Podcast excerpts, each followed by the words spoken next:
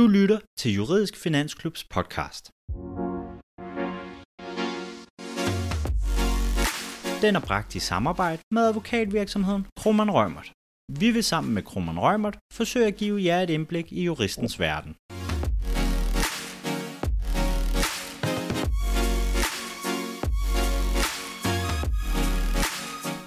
Jurauddannelsen åbner op for mange muligheder, og derfor vil vi rigtig gerne give jer et indblik i en af disse. Advokat hos Kroman Rømert, Anders Petersen, vil fortælle os, hvordan det er at arbejde hos et advokatkontor som både student og advokatfuldmægtig. Anders, velkommen til. Tak Niklas, tak for invitationen. Selvfølgelig. Anders, vil du ikke lige indledningsvis lige kort fortælle om, hvem er det egentlig, du er? Mit navn er Anders L. Petersen. Jeg er tredje års advokatfuldmægtig hos øh, Kroman Rømert, og jeg arbejder med øh, konkurrenceret og der relaterede områder. Øh, jeg bliver advokat til september, så, øh, så har jeg efterhånden været i gang i, øh, i tre år i fuldtidsarbejde.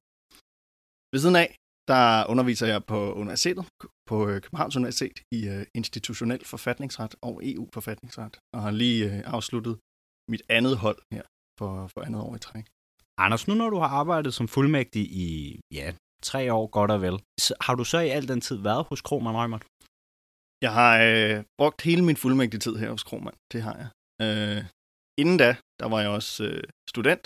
Jeg var det, der hed stipendiat dengang. Det der i, øh, hvis det i dag hedder legal trainee. Øh, der startede jeg i 2018, øh, da jeg var på første år af kandidaten. Øhm, inden da, der havde jeg haft et studiejob i det offentlige, øhm, men tænkte, det kunne være sjovt at prøve det private. Når nu du arbejder har både arbejdet som student og fuldmægtig i, øh, hos Kroman Rømert. Hvad er den største forskel, du har set eller oplevet i forbindelse med det skifte? For, for det første, hvor meget tid man bruger på det selvfølgelig, fordi der er en forskel på at være timelønnet og dukke op to dage om ugen, og så på at øh, et fuldtidsarbejde øh, arbejde herinde, hvor man i øvrigt også ofte skal stå til rådighed udenfor.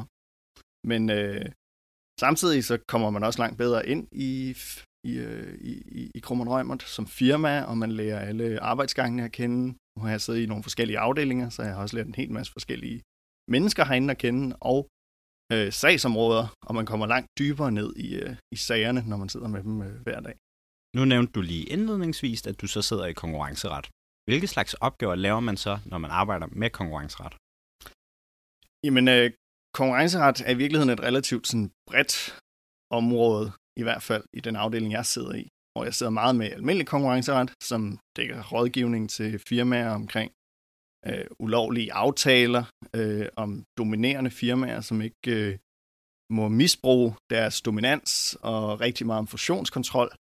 Øhm, derudover så laver vi i min afdeling også en masse udbudsret. Det sidder jeg ikke selv så meget med, men øh, det er en del af afdelingen. Og vi laver statsstøtte og almindelig EU-ret, fri bevægelighed, og derudover så er der også øh, her i løbet af det seneste år kommet enormt meget arbejde på det område, der hedder Foreign Direct Investments investeringsscreening, fordi der sidste år trådte en, øh, en ny lov i kraft, der krævede, at udenlandske virksomheder eller personer, de skal øh, godkendes, inden de investerer i danske virksomheder, som øh, laver noget, som er særligt følsomt. Det har medført øh, en hel masse arbejde, fordi det er sådan en relativt bredt øh, lovgivning, eller det er en relativt bred lovgivning, og øh, det er sådan lidt uklart, hvornår man er indenfor, hvornår man er udefor. Så ud fra et forsigtighedsprincip, så vælger langt de fleste at, at søge om den her godkendelse. Det har ført til enormt meget arbejde, og også øh, været med til ligesom at, og, og øh, for mig ligesom øh, været muligheden for at se opbyggelsen af et nyt retsområde. Det har været super interessant. Men det er sådan overordnet set, det vi laver i, øh, i min afdeling. Hvilke opgaver er der sådan lidt mere sådan praktisk, når du så sidder med de her områder? Hvad laver du så? Ja, jamen øh, hvis vi tager det sidste, jeg nævnte sidst, øh, eller undskyld først, så øh, har vi øh, inden for det her investeringsscreening, så er det mig, der sidder og skriver de her ansøgninger. Det er ofte mig, der har korrespondancen med klienterne. Nu har jeg også lidt mere ancienitet, end man vil have som førsteårsfuldmægtig, så jeg er også øh, lidt mere sådan, sikker på det, jeg laver. Øhm, og øh, også mig, der har korrespondancen med myndighederne. Selvfølgelig i, i samarbejde med, med den chef, jeg sidder under. Men øh, inden for de andre områder, så kan det også være både sådan praktisk øh, arbejde i forbindelse med sagsafviklingen. Der kan være man skriver, jeg skriver processkrifter, jeg skriver notater. Hvis vi er inden for noget af det mere sådan klassiske øh, rådgivningsarbejde. Nu nævnte du så også, at du har været i flere afdelinger i firmaet. Hvilke andre afdelinger har det så været? Jamen, øh, dengang jeg var stipendiat, der sad jeg også i konkurrenceret. Men øh, da jeg havde skrevet mit lidt halvtørre speciale om øh, EU-forfatningsret, der, øh, der tænkte jeg, at jeg måske gerne lige ville prøve noget andet, inden jeg blev sådan for, for sat i, øh, i konkurrenceret. Og så søgte jeg egentlig oprindeligt om at komme i øh, Krummer patentteam, som laver rigtig meget med retssager for life science-området. Øh, Men der var ikke plads, så jeg blev i stedet placeret i life science-teamet, som det hedder, øh, som er det mere sådan regulatoriske, øh, og hvor man også sidder med en hel masse øh, kommersielle kontrakter, og i øvrigt rigtig meget øh, MA, så virksomhedsoverdragelse. Hvilke opgaver havde du så i den forbindelse, og hvordan adskiller det så fra det, du laver i konkurrenceret? Jamen, øh, særligt i sådan, den sidste del af min tid i den gamle afdeling, der, øh, der gik øh, MA-markedet øh, amok, kan man vist godt sige. Så der var øh, rigtig meget fokus på det arbejde. Og når man sidder som fuldmægtig i sådan en afdeling, så sidder du ofte og styrer processerne med at lave øh, due diligence-rapporter, hvor det er som dig som tovholder, øh, det er din opgave at, øh, at sikre dig, at du får... Øh, at du får styr på input fra, fra alle de relevante afdelinger, og du holder hele processen kørende, sådan, så vi ikke kommer bagud med noget. Og så i øvrigt være med inden over drafting og forhandling af diverse kontrakter, og både signing og closing i den forbindelse af de her transaktioner. Har du måske mulighed for at kunne give os et lidt mere øh, detaljeret indblik, eller et lidt nærmere indblik i, hvad det så kunne være, eller hvad det for nogle sager det er, når man så sidder med MRA? Ja, jamen, øh, jeg har et, øh, et, et, et sådan lidt spøjst øh, eksempel på en sag, som jeg egentlig ikke startede med at være så meget inde over. Det var min, nogle af mine andre kollegaer, der sad med den sag. Det var en, en kæmpestor og enorm kompleks sag med, med tråde i hele verden. Øhm, men hvor min, øh, min gode kollega, øhm, som var fuldmægtig, den primære fuldmægtig på sagen, jeg havde hjulpet lidt til undervejs, fordi der havde været så meget arbejde, og jeg kendte ham, der, der styrede processen. Øhm, men øh, den fuldmægtige, hun, øh, hun skulle på en øh, vil jeg sige, ekstremt velfortjent ferie, hvor jeg øh, lovede at, øh, at holde bolden for hende, mens hun var væk. Og der øh, gik så to dage, og så besluttede de sig for, at de ville øh, tegne tre uger senere, hvor det så var mig, der var øh, den primære fuldmægtige på det her. Modparten i den her sag var en tysk virksomhed. Aftalen var underlagt tysk ret, hvilket så også betød, at vi skulle øh, underskrive i Tyskland. Øhm, det medførte så også det, øh, lidt sådan spøjse i en dansk kontekst i hvert fald, at, man, øh, at vi endte med at skulle have det hele notariseret. Og under tysk ret, så øh, betyder en notarisering ikke, at du stiller dig op foran en notar, og så siger du, jeg har forstået, hvad der står, og så skriver man under. Øh, notaren skal læse alt højt. Øh, og det var altså en 200 sider lang øh, købsaftale omkring den her virksomhed med 130 bilag. Så notaren han havde siddet i dagene op til signingen over for en sekretær og læst alt højt for øh, sekretæren. Øhm, men, øh, men selve købsaftalen, den skulle altså læses op, mens der var repræsentanter øh, fra, øh, fra både køber til, til stede her. Så jeg fløj til øh, Frankfurt, og jeg fløj tidligere om morgenen, og jeg sad og arbejdede hele dagen, fordi vi var ikke, var ikke sådan helt i mål med den her sag nu. Øhm, og klokken 10 om aftenen, da jeg tror, jeg har været i gang på det her tidspunkt i, øh, i 16 timer, der øh, rykker vi over til modparten, øhm, og så går vi i gang. Og øh, notaren han begynder at læse, han kører sådan lidt sådan speed-snakker sig igennem den her øh, SPA, som det hedder, sådan en købsaftale. Øhm, retter også sådan lidt små ting undervejs, når han finder nogle små kommafejl og sådan noget. Øhm, og det var en helt absurd proces at være med til, og den varede indtil næste morgen cirka klokken 11, øh, hvor jeg jo ja, på det her tidspunkt har været i gang i en 6-37 timer, tror jeg. Men det var virkelig et interessant indblik i en, øh, i en anden retskultur. Jeg skal lige sige, at jeg var ene repræsentant afsted fra øh, Krummen Rømert og fra klienten. Jeg havde selvfølgelig nogle tyske kollegaer, som hjalp. Men øh, det kan man altså også blive udsat for, som øh, på det tidspunkt anden års fuldmægtig, at blive sendt til Frankfurt og overvære en tysker, der øh, læser højt for dig i øh, 12 timer. Så man kan godt komme lidt rundt omkring med de opgaver, man øh, får i sådan et stort advokatkontor. Det kan man, øh, det kan man virkelig godt, ja. Nogle af de andre opgaver, man jo som typisk tænker, at en advokat har, det er jo blandt andet så at føre retssager. Til at starte med, kunne jeg godt tænke mig at høre, hvilke overvejelser gjorde du dig om at føre retssager, da du tænkte, du gerne ville være advokat, eller måske bare skulle nøjes med jurist? Var det noget, der rigtig gerne, øh, eller var det noget, som havde din interesse? Jeg har altid gerne ville prøve det af. Se, havde det med at stå i en retssag og føre en sag. Øhm, jeg, øh, altså det er jo sådan, når man er, sådan et, eller generelt i alle øh, store advokatkontorer, du er ikke, øh, du er ikke garanteret at få en retssag, og det skal lige passe ind, og det skal være en rigtig type sag, før du kan bruge den øh, som retssagsprøve, som jeg endte med at bruge den her ene sag. Når nu det at føre retssager er så normalt, eller noget, man tænker karakteriserer en advokat, hvordan kan det så være, at du ikke endte med at skulle være en advokat eller en fuldmægtig, der fører en masse sager, men i stedet skulle ende hos en notar i Tyskland? Ja, det er jo fordi, at øh, et stort hus som Krummernd Rømert, eller som nogle af de andre, vi har her i, øh, i København, der er altså, den primære øh, det, det primære arbejde er ikke nødvendigvis at gå i retten, som mange måske forestiller sig. Vi har en, vi har en stor procesafdeling, som nærmest ikke laver andet end at forberede og føre retssager. Vi har også øh, nogle sådan mere specialistprægede afdelinger. Øh, det kan fx være øh, ansættelsesret, eller konkursret, eller øh, fast ejendom, hvor der er en hel masse sager, man fører hele tiden. Men øh, i sådan, en, sådan nogle afdelinger, jeg har siddet i, og øh, oprindeligt der i Life Science-teamet, hvor jeg lavede meget øh, MA, der er ikke særlig mange retssager. Og hvis der er retssager, så er det enormt store retssager, der tager mange, mange år at føre. Øhm, og som man ikke lige sætter øh, førsteårsfuldmægtigen til at øh, gå i retten med. Der, hvor jeg sidder nu, der har vi også retssager, men det er også typisk nogle rigtig, rigtig store retssager, som, øh, som også kan tage adskillige år, øh, før de er færdige.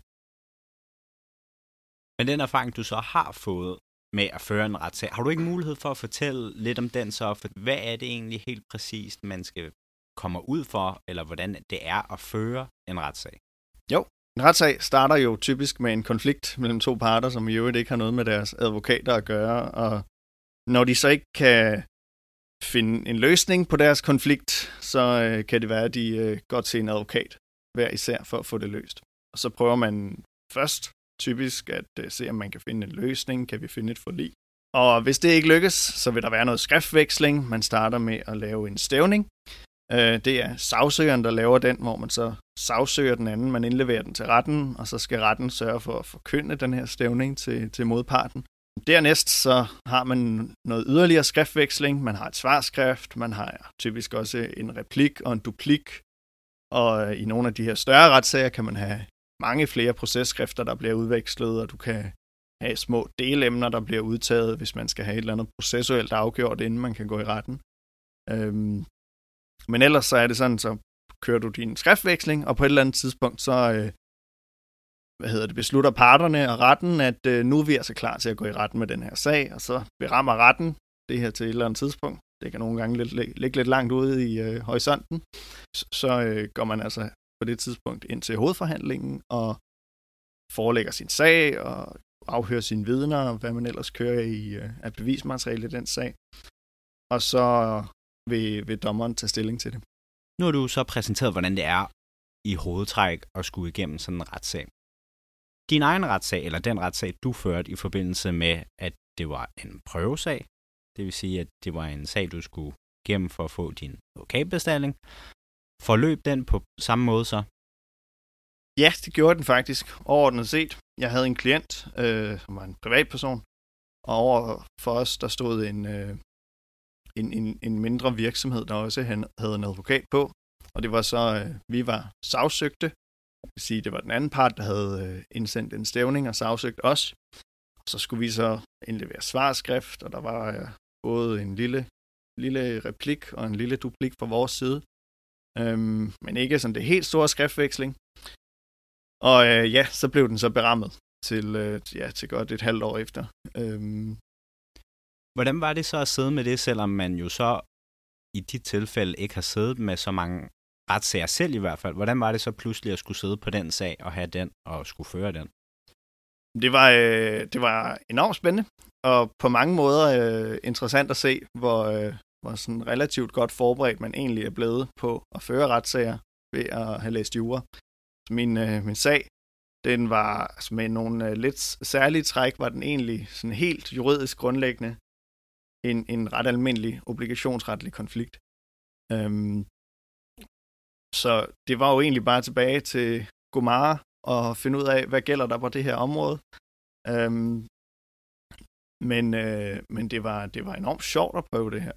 Øhm, fordi det er sådan lidt det, man bliver lært op til at kunne, når man læser jura. Det er at løse den her slags øh, konflikter. Så har man selvfølgelig, man har sin klient, så man skal altid gøre det på vegne af dem. Finde gode argumenter for dem selvfølgelig, så det er ikke bare en helt nøgtern løsning. Du skal, du skal føre det bedste, den bedste sag, du kan for din, øh, for din klient over for modparten. Nu nævner du, at det er sådan en helt almindelig obligationsretlig sag, men har du mulighed for at give os et nærmere indblik i, hvad det var, sagen så handlede om?